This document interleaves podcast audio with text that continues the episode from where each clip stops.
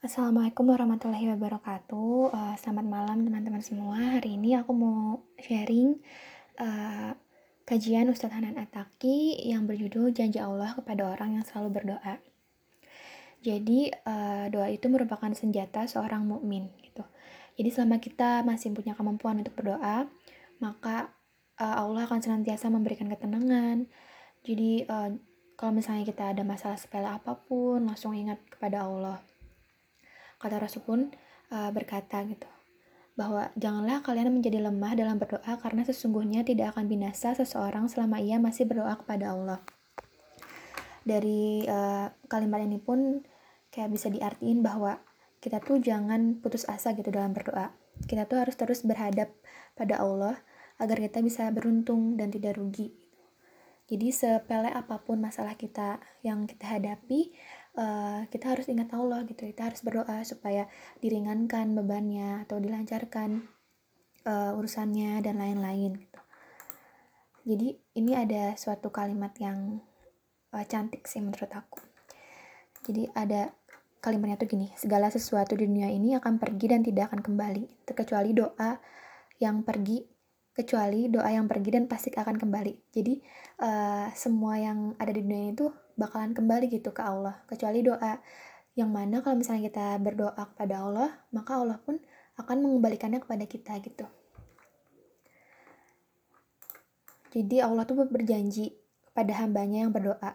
Kata Allah tuh begini, ini koribun. Gitu. Uh, kata yang artinya aku ini dekat. Jadi uh, jadi jangan kita kira bahwa kita berdoa di sini tuh Allah nggak dengar. Se uh, Allah tuh sebenarnya deket banget sama kita.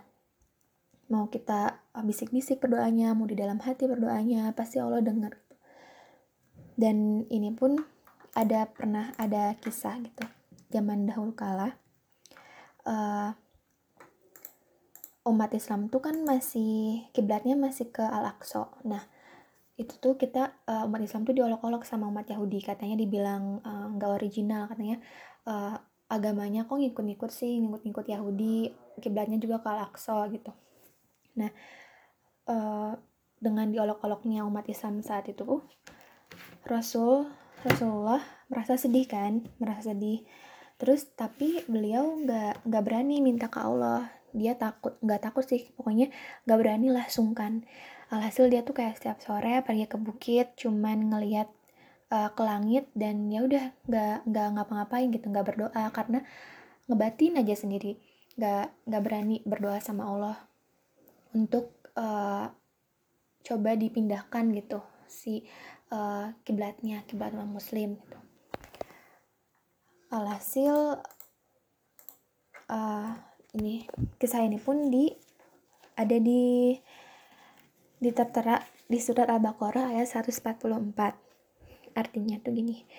Kami melihat wajahmu sering menengadah ke langit, maka akan kami palingkan engkau ke kiblat yang kau senangi. Maka hadapkanlah wajahmu ke arah Masjidil Haram. Dan di mana saja engkau berada, hadapkanlah wajahmu ke arah itu. Dan sesungguhnya orang-orang yang diberi kitab Taurat dan Injil tahu bahwa pemindahan kiblat itu adalah kebenaran dari Tuhan mereka. Dan Allah tidak lengah terhadap apa yang mereka kerjakan. Nah, dari sini kita tahu bahwa se bahwa bahkan kalau misalnya kita belum diucapkan atau belum kita doakan masih berada dalam hati kita pun Allah sebenarnya udah dengar gitu. Uh, ya jadi uh, di sini tuh meskipun Rasulullah ngebatin terus tapi Allah dengar setiap hari Allah ngelihat uh, kerisauan hati Rasul dan oleh sebab itu Allah pun kabulkan doanya. Nah, sebagai manusia juga kita apa ya? Kalau misalnya ada apa-apa, kita harus lebih rajin lagi berdoa gitu. Sementara kan kalau misalnya aku sendiri kayak masih suka sibuk sama kehidupan di dunia gitu sehingga lupa untuk berdoa gitu. Jadi ya kita harus lebih rajin lagi untuk berdoa kepada Allah. Dah, segitu aja uh, sharing dari aku. Semoga bermanfaat. Wassalamualaikum warahmatullahi wabarakatuh. Dan semoga kalian sehat-sehat terus. Amin. Assalamualaikum.